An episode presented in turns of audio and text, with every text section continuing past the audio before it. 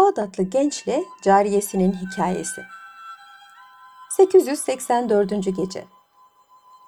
Vaktiyle Bağdat şehrinde babasından büyük bir mirasa konan yakışıklı, sanat aşığı bir genç vardı.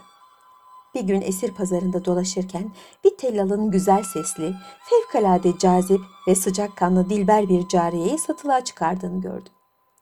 Yüksek fiyatına rağmen onu satın alıp konağına götürdü.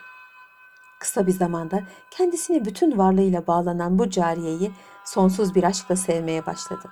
Öyle ki gece gündüz birbirlerinden ayrılmıyorlardı. Günlerini çalgı çalmakla, şarkı söyleyip eğlenmekle geçiren bu iki gencin sürdükleri tatlı hayat çok geçmeden bozulmaya başladı. Miras yedi gencin serveti tükendi. Çalışmaya alışmadığı için ne yapacağını şaşırdı. İyi gün dostlarına başvurdu Kendilerinden yardım istedi. Onlar da sen iyi ut çalmasını biliyorsun. Cariyenin de sesi güzeldir. Bu işi bir meslek edinin mükemmel para kazanırsınız diye öğüt verdiler. Fakat genç başkasını eğlendirmek için ücretle çalgıcılık yapmayı onuruna yediremedi. Üzgün bir halde cariyesinin yanına dönüp ona düştükleri sıkıntılı durumu anlattı. Cariye ona şu teklifte bulundu. Beni zengin bir adama sat. Alacağın parayla işini düzelt. Ben sonra bir yolunu bulup sana dönerim. Genç bu teklifi uygun buldu. Hemen o gün cariyesini esir pazarına götürüp zengin bir Basralı tüccara sattı. Parasını alıp evine döndü. Fakat çok geçmeden cariye ile beraber yaşadığı mesut günleri hatırlayarak yaptığına pişman oldu. Tüccarın yanına gitti, parasını iade ederek cariyesini geri almak istediğini söyledi. Şehrazat bu meraklı hikayesini burada kesmek zorunda kaldı. Çünkü artık sabah olmuştu. Hükümdarın isteği üzerine ertesi gece sözlerine şöyle devam etti. 885. gece. Fakat tüccar buna razı olmadı. Genç müteessir bir halde gözleri iki çeşme ağlayarak avare bir halde yürümeye başladı. Ortalık kararınca bir caminin avlusuna girip orada uyudu. O sıralarda Oralarda av arayan bir hırsız onu gördü. Başının altına koyduğu para kesesini çalıp kaçtı. Biraz sonra bunun farkına varan genç ayağa kalkıp hırsızı kovalamak istedi. Ayağının bir iple bağlı olduğunu gördü. Onu çözünceye kadar çoktan hırsız sırra kadem basmıştı. Zavallı genç böylelikle hem parasını hem de cariyesini kaybedince büyük bir ümitsizliğe düştü. Yaşamaktan nefret ederek hayatına son vermek maksadıyla kendini Dicle nehrine attı. Lakin kendini gören halk hemen koşup onu kurtardı. Böyle kötü bir teşebbüse neden giriştiğini sordular. Genç onlara başından geçenleri anlattı. Buna acıyan halk ona bir yardım olmak üzere birkaç gün evlerinde misafir ettiler. Genç bu misafirliği suistimal etmemek için oradan ayrıldı. Eski bir aile dostuna başvurdu derdini açarak yardım istedi. Adam hemen ona elli altın vererek burada durma bu parayı al Bağdat'ı terk et. Belki bu işte talihin döner. Bütün kaybettiklerini tekrar elde edersin dedi. Gecenin sona erdiğini gören Şehrazat hikayesini burada bıraktı. Ertesi gece kocasının isteği üzerine yeniden anlatmaya başladı.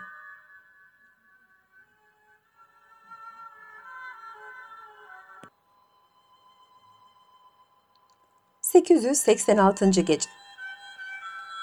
Delikanlı parayı alıp kıyıda sefere hazırlanan bir geminin kaptanına yalvararak kendisini Basra'ya götürmesini söyledi. Reis bu geminin Basralı bir tüccara ait olduğunu ve onunla mal sevkiyatı yaptığını bildirerek başından savmak istedi. Fakat delikanlının ısrar ettiğini görünce biz yolcu almayız. Üzerindeki temiz elbiseleri atıp bir tayfa kılığına girer ve gemide çalışmayı kabul edersen seni istediğin yere götürürüm dedi. Bunun üzerine genç temiz elbiselerini atıp tayfa kılığına girdi. Kumaş denklerini taşıyan işçilere yardım etmeye başladı. Biraz sonra gemiye güzel bir genç kadınla iki halayık geldi. Bağdatlı genç bu gelen taze kadının cariyesinden başka bir kimse olmadığını anladı. Onunla aynı gemide seyahat edeceğine ve yakınında bulunacağına çok memnun oldu. Eski neşesi biraz yerine gelir gibi oldu. Çok geçmeden Basralı tüccar geldi. Gemiye binerek cariyenin yanına oturdu. Hava kararınca hazırlanan yemek sofrasının başına geçtiler. Cariye iştahsız yemek yiyor, her halinden kederli ve düşünceli olduğu belli oluyordu. Yemekten sonra Basralı tüccar cariyeye biraz şarkı söylemesini rica etti. Onun mütereddit durduğunu görünce de ne zamana kadar böyle hüzün ve keder içinde kalacaksın? Dünyada sevgilisinden ayrılan yalnız sen değilsin. Hadi çal, hem bizi hem kendini eğlendirirsin dedi. Sabah olmuştu. Şehrazat gülümseyerek hikayesine ara verdi. Hükümdar da masalı ertesi akşam devam etmesini istedi. Şehrazat o akşam tatlı tatlı anlatmaya başladı. 887. Gece Cariye o sırada tüccarın kendisine sunduğu içki kadehini yuvarladıktan sonra udunu kucakladı, akordunu yaptıktan sonra yanık bir sesle şunları okudu. Hasretinden yüreğim yarıldı parçalandı. O günler, ah o günler demek birer yalandı.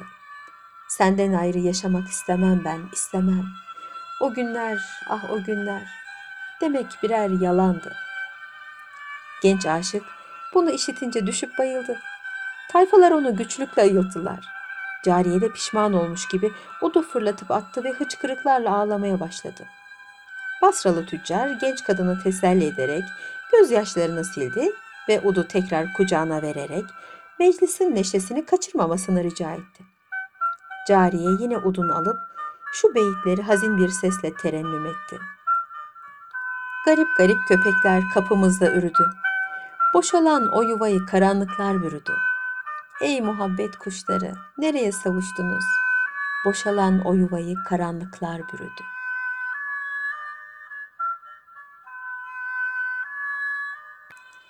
Cariyenin sevgilisi bunu işitince acı bir feryat kopararak tekrar bayıldı. Bunu gören tacir kaptana çıkıştı. Sen bu Mecnun adamı ne diye gemiye aldın? Bunun üzerine kaptan ve tayfalar şayet bir daha böyle çılgınca bir harekette bulunursa ilk iskelede indireceklerini söyleyip tüccardan özür dilediler.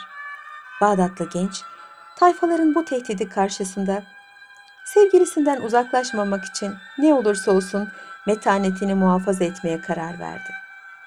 Bir gün gemi küçük bir iskeleye yanaştı. Tayfaların mühim bir kısmıyla tüccar öteberi almak ve gezmek için karaya inmişlerdi. Bağdatlı genç bu fırsattan istifade ederek cariyesinin bulunduğu yere sokuldu. Usulcacık udu eline aldı, yalnız cariyesiyle kendisinin bildiği bir şekilde akord edip bıraktı. Yine sabah oluyordu. Hükümdar masalı ertesi akşam devam edilmesini istedi. Şehrazat da yarıda bıraktığı masalını ertesi akşam şöyle devam etti.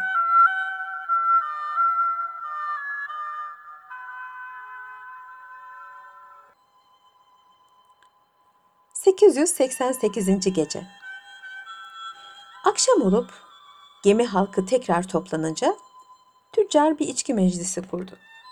Cariyeden bir şarkı söylemesini istedi.